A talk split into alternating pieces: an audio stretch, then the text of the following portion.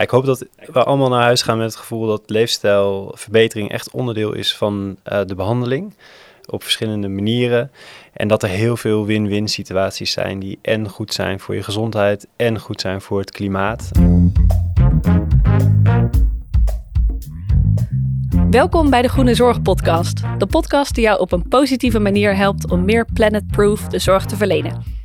Ik ben Evelien Brakema. En ik ben Judith de Bree en wij zijn van de Groene Zorg Alliantie en we maken deze podcast in samenwerking met Medisch Contact. En vandaag gaan we in op de win-win van leefstijl voor planeet en patiënt. En daar hebben we een hele bijzondere tafelgast voor uitgenodigd die we allebei ook goed kennen en ook eh, op meerdere vlakken al eerder mee samenwerkten. Hugo Touw, geweldig dat jij uh, wil aansluiten vandaag. Zou jij iets over jezelf kunnen vertellen? Nou, dankjewel voor de uitnodiging. Um, ja, ik ben intensivist in het Radboud ziekenhuis. Maar ik zet me in voor uh, duurzame zorg. En sinds uh, anderhalf jaar ook voor uh, preventieve zorg. concreet in het opzetten van een leefstijlzorgloket. Wat we nu hebben draaien in het Radboud. En wat heel veel andere ziekenhuizen ook al hebben. Dus ja, het onderwerp gaat me aan het hart.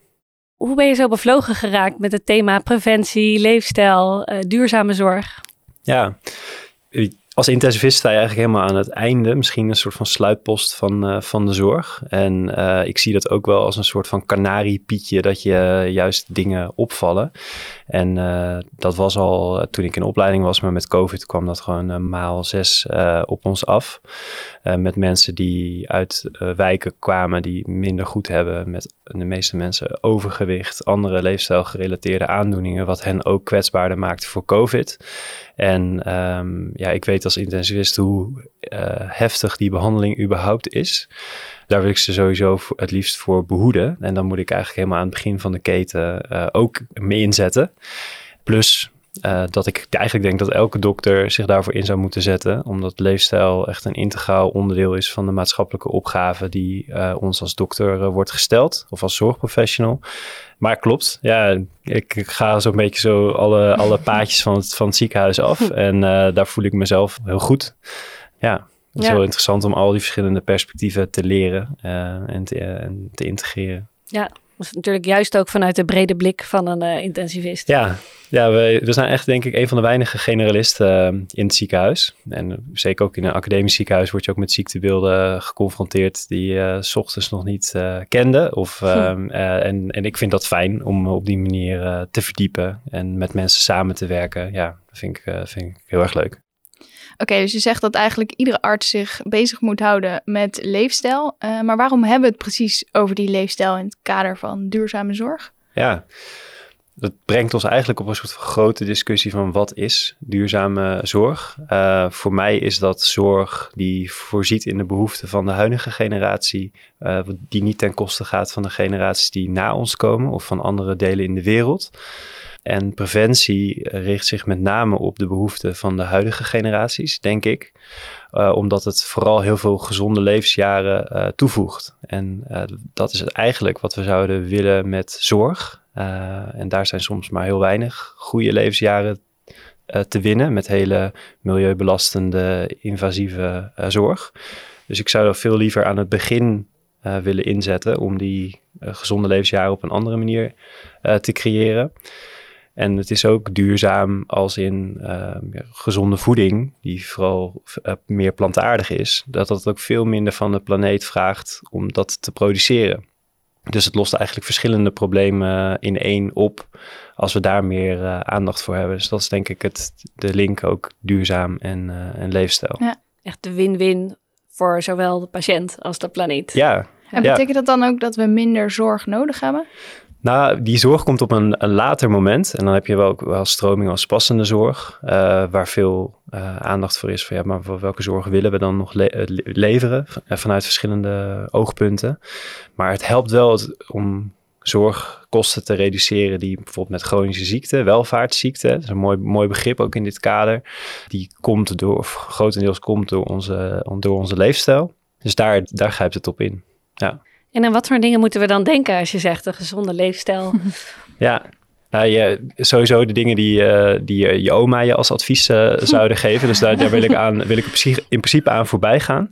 Maar uh, hoe we ons bewegen, wat we eten, hoe we in het leven staan, hoe we met stress omgaan, hoe we slapen. Dat zijn zulke belangrijke thema's. En dan met name voeding.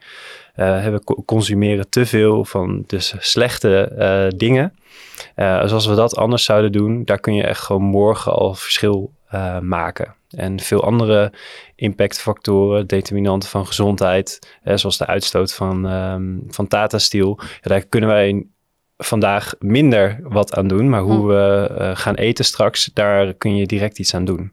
Ja. Uh, dus ja, en, en daar ligt heel veel winst.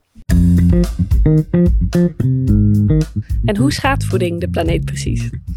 Ja, de voedselindustrie is echt een hele vervuilende industrie. Vervuilender dan de zorg. En als je dan bijvoorbeeld kijkt naar wat uh, Milieu Centraal als tips geeft, dan is zijn uh, de zogenoemde klimaatklappers. Dat zijn echt heel, in de top drie staat drie keer uh, voeding. Hm. Wow. Minder ja, ja, vegetarisch eten, plantaardig eten, voedselverspilling. En het schaadt het milieu zo door alle stoffen die we uitscheiden daarmee. CO2, mhm. methaan, uh, stikstof. Maar bijvoorbeeld ook in landgebruik. Wat dus niet op een andere manier gebruikt zou kunnen worden. Heel veel water wordt daar uh, verbruikt. Dus het, ja, de klimaatcrisis is meer dan CO2. En op, eigenlijk op al die assen scoort hoe wij ons voedsel verbouwen, produceren, vervoeren. Uh, scoort gewoon heel erg hoog. Ja. Verlies van natuurgebieden. Ja, ja. Ja, al, de, al die landbouwgronden in Nederland, 50% van onze totale landoppervlak, zouden we ze ook op een andere manier uh, kunnen benutten uh, met natuur. Bijvoorbeeld, waar we dan weer in zouden kunnen wandelen, wat weer goed is voor je leefstijl. Kijk, ja. ja. ja. Wat ik zelf altijd heel verhelderend plaatje vind, want um, dat de verpakking van voeding is vaak natuurlijk heel zichtbaar. En ook ja, is het van uh, stukje vlees van de boer uh, verderop? Of, of uh, is het een tofu uit Brazilië bijvoorbeeld? Nou, dan blijkt natuurlijk dat, eigenlijk dat de verpakking en het vervoer echt een marginale impact hebben vergeleken met wat je eet. Dus als vuistregel is het gewoon heel goed om te letten op wat je eet en dat het plantaardig is en dat je daar heel veel meer impact mee maakt dan hoeveel verpakkingen je bespaart of, of het van iets verder weg komt. Ja, heel goed. Wat moeten we dan uh, meer eten en wat moeten we minder eten? Ja, daar, dat, daar, daar wordt het ook een gevoelig onderwerp. Ook met uh, gerespecteerde collega's uh, raken daar heel geëmotioneerd over. maar eigenlijk laten alle onderzoeken zien dat we meer onbewerkt zouden moeten eten. Meer verse producten zouden moeten eten. En meer groente en fruit, meer noten, meer gevarieerd. ja, daar kan iedereen zich in vinden. En heel concreet betekent dat dus met name ook minder vlees. Wat ook een hele grote klimaatimpact heeft. En in veel richtlijnen of in adviezen wordt die klimaatimpact nog niet uh, meegenomen. Ik denk dat het een gemiste kans is. Uh, maar dat zal steeds meer gaan gebeuren. En daar zitten dus echt uh, hele grote win-win factoren. Um, nou, we, zitten midden in een stikstofcrisis. Ja, 50% van Nederland, de oppervlakte, wordt gebruikt om voor veeteelt uh, voedsel te bereiden of om op mest op uit te rijden. Ja, dat zou sowieso minder kunnen als we het niet willen exporteren. Heel veel van die hm. producten exporteren we. Um, maar ook als we het gewoon zelf uh, minder zouden eten. Ja. En wat voor effecten kunnen we dan verwachten als we inderdaad meer vezels, meer noten, uh, minder vlees gaan eten? Ja, de, literatuur die uh, wisselt daar uh, over, wat, wat dan precies het percentage is. Makkenbach uh, noemt 50% als in beïnvloedbare factoren voor uh, ziektelast. Um, dus 50% minder ziektelast bij een gezonder dieet? Ja, en dan breder, dus het hele, het hele gedragsstuk. Ja, de hele leefstijl. Ja, het hele leefstijl. Maar als je dan inzoomt op, op voeding, daar helpt het VTV-rapport van RIVM bij. Dat is een toekomstvoorspelling van volksgezondheid van 2018. die zegt dat 20% reductie van ziektelast is te verwachten door leefstijlfactoren in zijn algemeenheid. En uh, voeding is daar de helft van. Dus het is echt een hele grote, uh, grote speler. En ik denk dat dat ook wel iets is wat we herkennen als je überhaupt over straat loopt, wat mensen eten. Of uh, de 50% van, mm. van Nederland heeft overgewicht. Dat gaat toenemen naar 70% in 2040. Dus het is ook een trend die nog niet uh, is gekeerd eigenlijk. Dus 10% van onze gezondheid uh, wordt bepaald door de voeding die we eten. Ja, ik denk dat dat een goede vuistregel is. Ja, Ja, je noemt dat we dus veel ziektes zouden kunnen, eh, of ziektelast zouden kunnen voorkomen door gezonder te eten. Wat voor ziektes zouden we dan voorkomen? ja met name hart- en vaatziekten. Dus eh, onderdeel van de chronische welvaartsziekten. Maar ook kanker. Hm. Dat zijn echt de, de belangrijkste doodsoorzaken in Nederland. Er gaan 35.000 mensen per jaar eh, dood aan de gevolgen van alcohol, roken, eh, slecht eten, minder bewegen. En ja, eten is daar, een, is daar een belangrijke van. En dat is het gekke van roken. Er gaan ook wel heel, veel mensen aan dood. Maar dat zorgt weer voor minder eh, zorguitgaven. Hm. Terwijl eh, gezo- ongezonde voeding gaan dan misschien minder mensen direct aan dood. Maar zorgt wel voor heel veel eh, ziektelast en voor heel Hm. veel zorguitgaven. Dus ook vanuit groene zorgperspectief is dat juist een hele belangrijke. Ook omdat de, de oplossing eh, ook duurzamer is. Doordat we, als we minder vlees gaan eten, meer groente en fruit, meer onbewerkte producten, eh, meer lokaal, geen eh, voedselverspilling, ehm, geen sp- spullen weggooien. Ja, dat is ook goed voor het milieu. Ja, Ja, ja, ja. Hetzelfde geldt denk ik ook voor vervoer. Eh, als je kijkt naar bijvoorbeeld meer beweging op de fiets, en Ja. meer wandelen, dat is ook natuurlijk gewoon beter dan in de auto zitten. En, Ja, en dat is een hele belangrijke ook voor ehm, zorgprofessionals. Ja, Evelien en ik hebben samen een studie doen we nu in, in het Radboud naar de footprint van, ehm, van zorg. En daar blijkt dat de milieufootprint van eh, het vervoer van eh, collega's is echt een hele belangrijke. Als je bijvoorbeeld naar een eh, CHBG, een open hartoperatie kijkt. Dat onderzoek hebben we uitgevoerd met hele enthousiaste chirurgen. En die eh, soms van de an- andere kant van het land naar Nijmegen rijden. Dus eh, ik ben met hen eh, geschrokken over de impact daarvan. En we zijn vaak gericht op, op plastic of op spullen weggooien. Maar als je iets verder uitzoomt, dan blijven deze dingen ook boven water staan. En daar zouden we juist vanuit leefstijl hoe ik ook heel veel goede adviezen voor hebben hoe, hoe we dat anders zouden kunnen doen. nou dat is meteen al een hele mooie brug naar wat kun je eigenlijk als zorgverlener doen als je leefstijl wil bevorderen. Nou, misschien voor jezelf, maar ook voor je patiënten. Ja, ik zou het echt onderdeel maken van eh, je behandeling. Dus ja, de tijd in de spreekkamer is kort, eh, maar richt daar eh, wat tijd voor in. En er is heel veel hulp om, om daarbij te helpen als dokter die daar misschien niet direct veel verstand van heeft. Je hebt bijvoorbeeld tools als Beter Verwijs, die zijn ontwikkeld om patiënten vanuit de spreekkamer stap te laten maken naar een gezondheidsbevorderende interventie in de eigen leefomgeving. Die, die zal in de in comments misschien worden toegevoegd, maar er zijn heel veel van Zullen dat soort eh, ja. tools. Ja, ik ben zelf actief voor de Vereniging Arts en Leefstijl. Die, eh, die hebben een heel mooi leefstijlroer eh, gemaakt.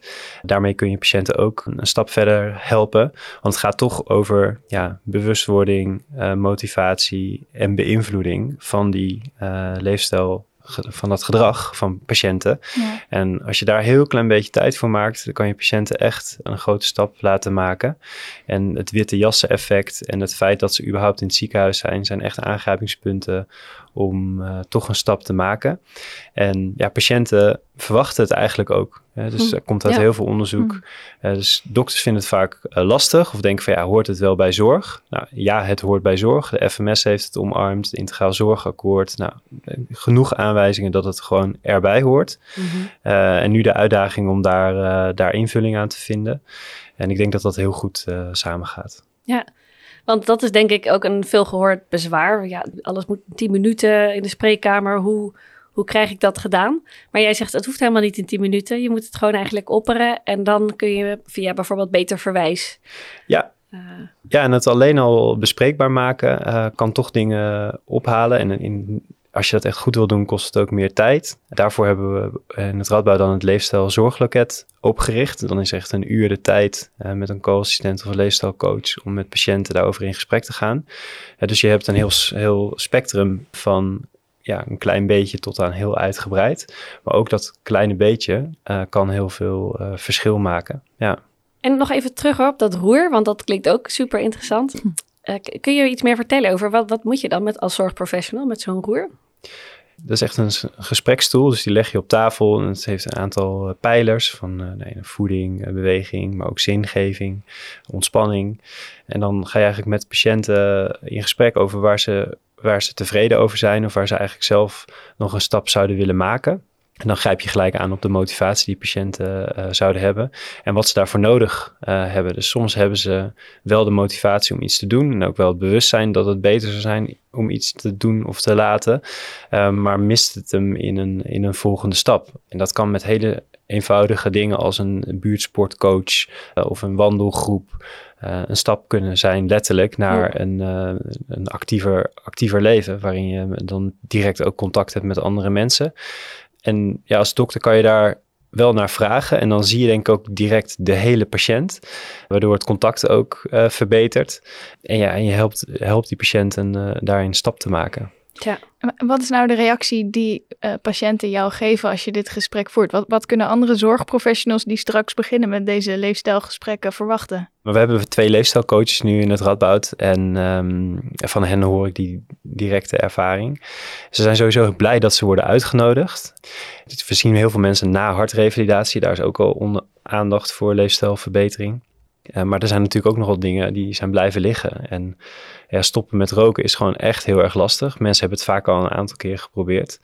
Dus mensen zich daarin geruststellen dat het inderdaad lastig is. Um, en een interventie zoeken die bij hen past. Daar zijn mensen heel erg blij mee.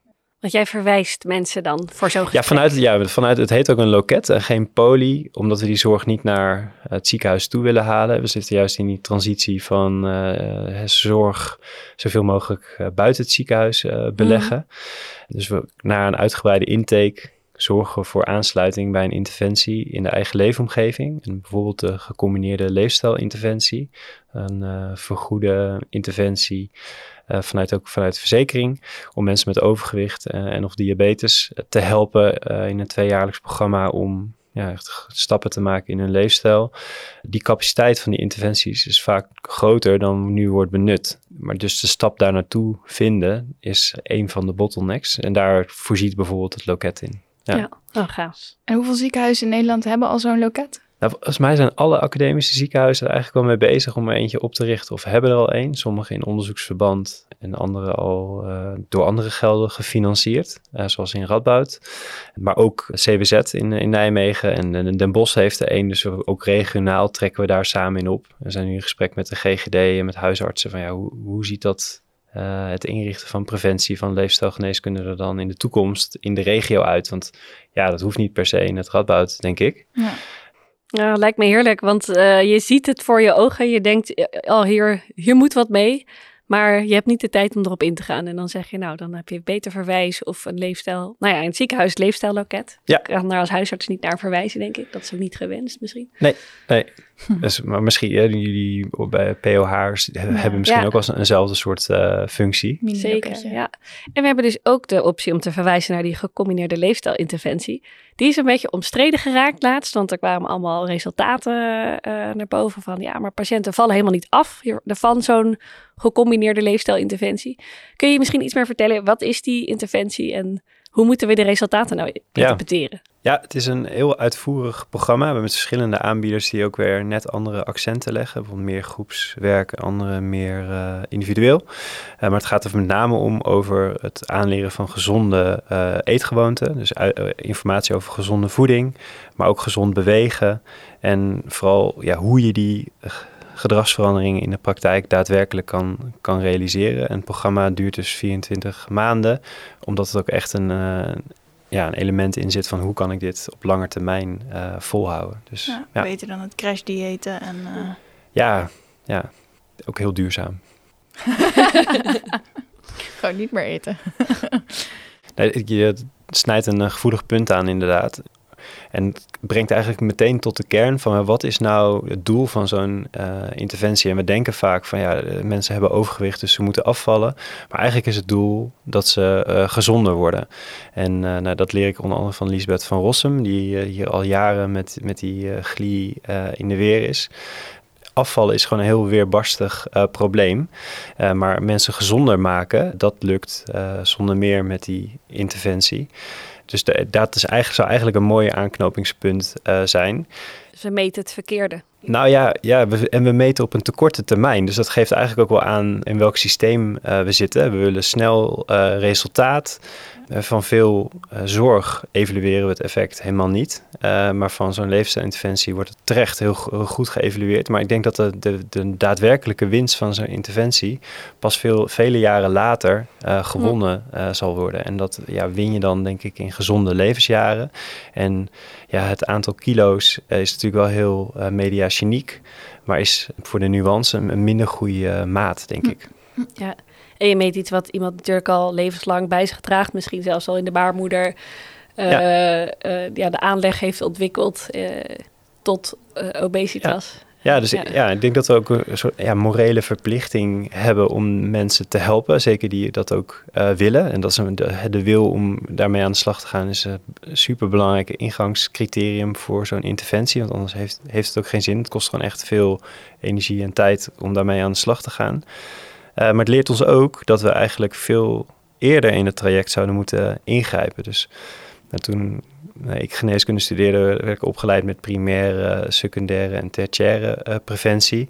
Is nu een nieuwer model, wat denk ik ook handbaarder is, uh, met universele, selectieve, geïndiceerde en zorggerelateerde preventie. En zo'n uh, GLI of zo'n leefstijlzorgloket, dat is echt zorggerelateerd. Dus mensen hebben al een ziekte en dan gaan we met preventie ja, eigenlijk aan de slag. Um, en dat is gewoon heel weerbarstig. Um, dus we moeten vooral uh, naar uh, die universele preventie, een gezonde leefomgeving, een gezonde voedselomgeving creëren.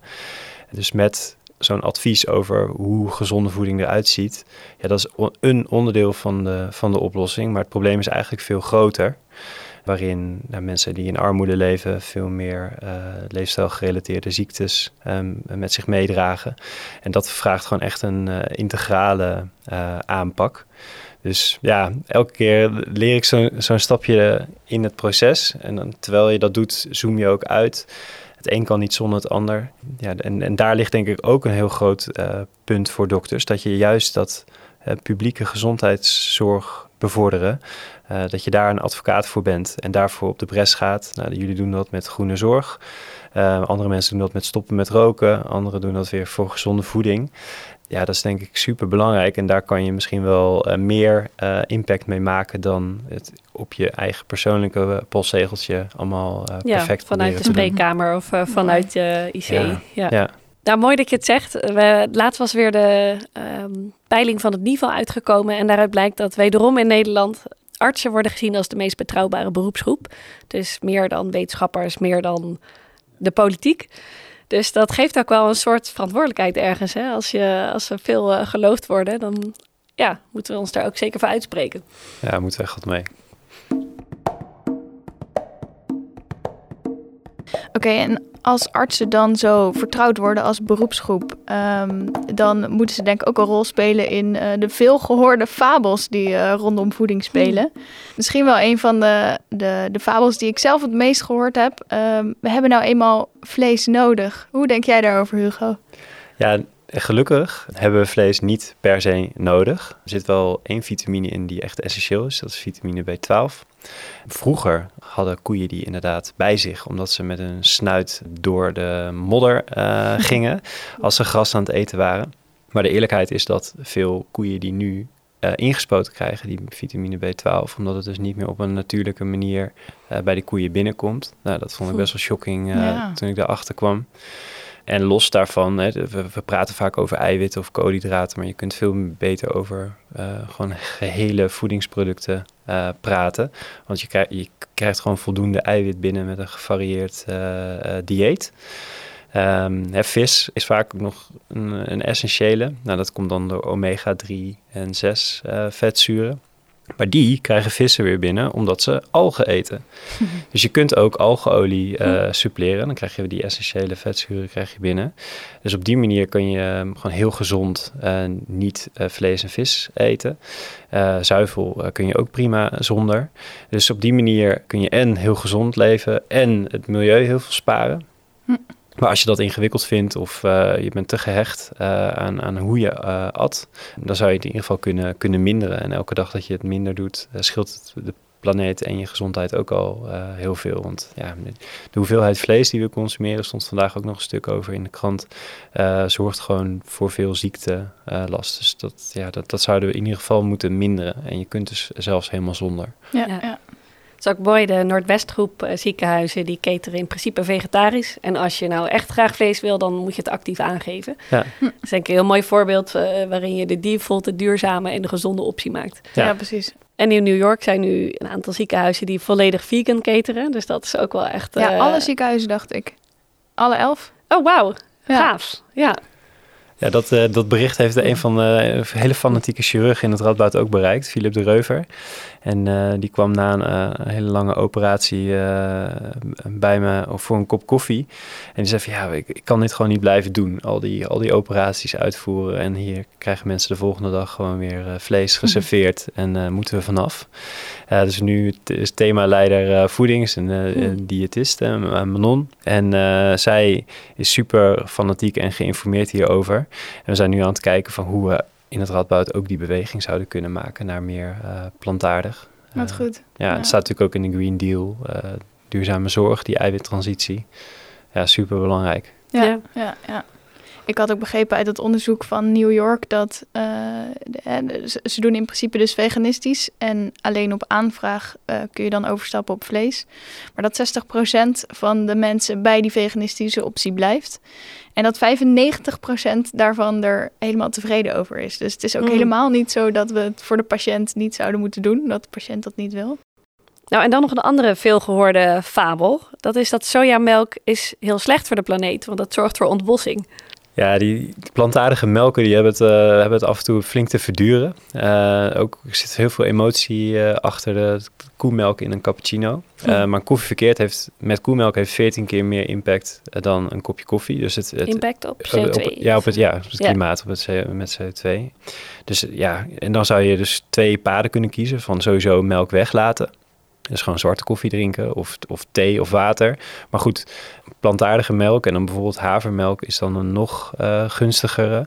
Maar zelfs soja is beter dan het drinken van koemelk, omdat die koeien die krijgen vele en vele malen meer soja gevoerd voordat daar een product uitkomt dan dat direct aan mensen geven. Dus ja. Eh, ja. Ik heb wel eens begrepen dat iets van nou ja, meer dan 90% van de sojaproductie ter wereld gaat naar veevoer. Dus als we die eiwitten direct zouden consumeren zelf, dan bespaar je jezelf ongelooflijk veel. Ja. Uh, nou ja, dat scheelt heel veel landgebruik in CO2-uitstoot. Uh, ja, ja, ontbossing. Uh, ontbossing. Ja. En als je dus plantaardige melk drinkt, kijk dan of het uit Europa komt. Dat is natuurlijk het allerbeste.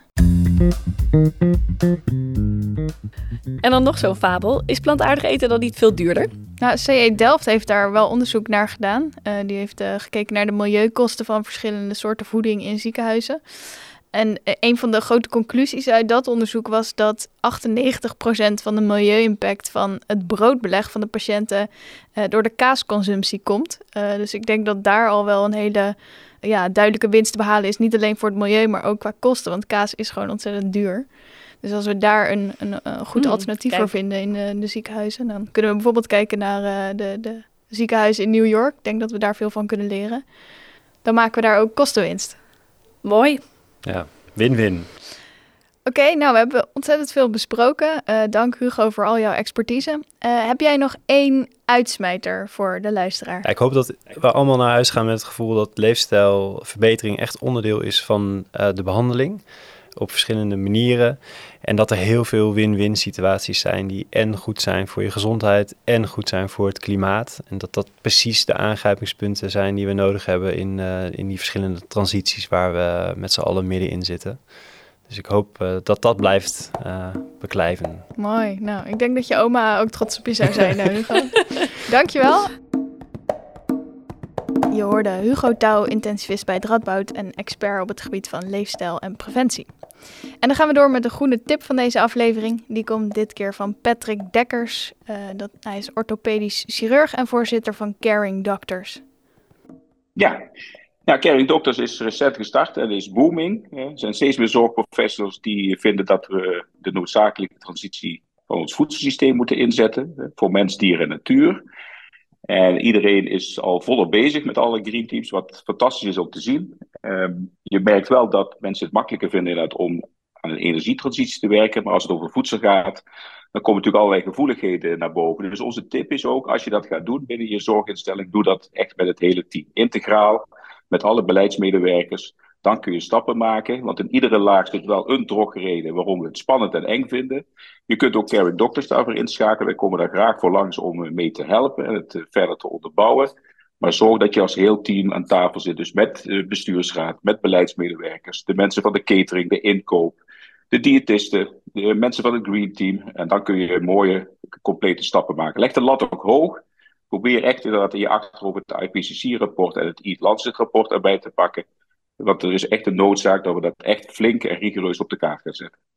Ja, dus uh, ben je daarin geïnteresseerd? Ga eens naar onze site, carrickdoctors.org. En daar staat ons manifest. En sluit je dan aan als zorgprofessional. Het is voor alle zorgprofessionals, niet alleen voor artsen.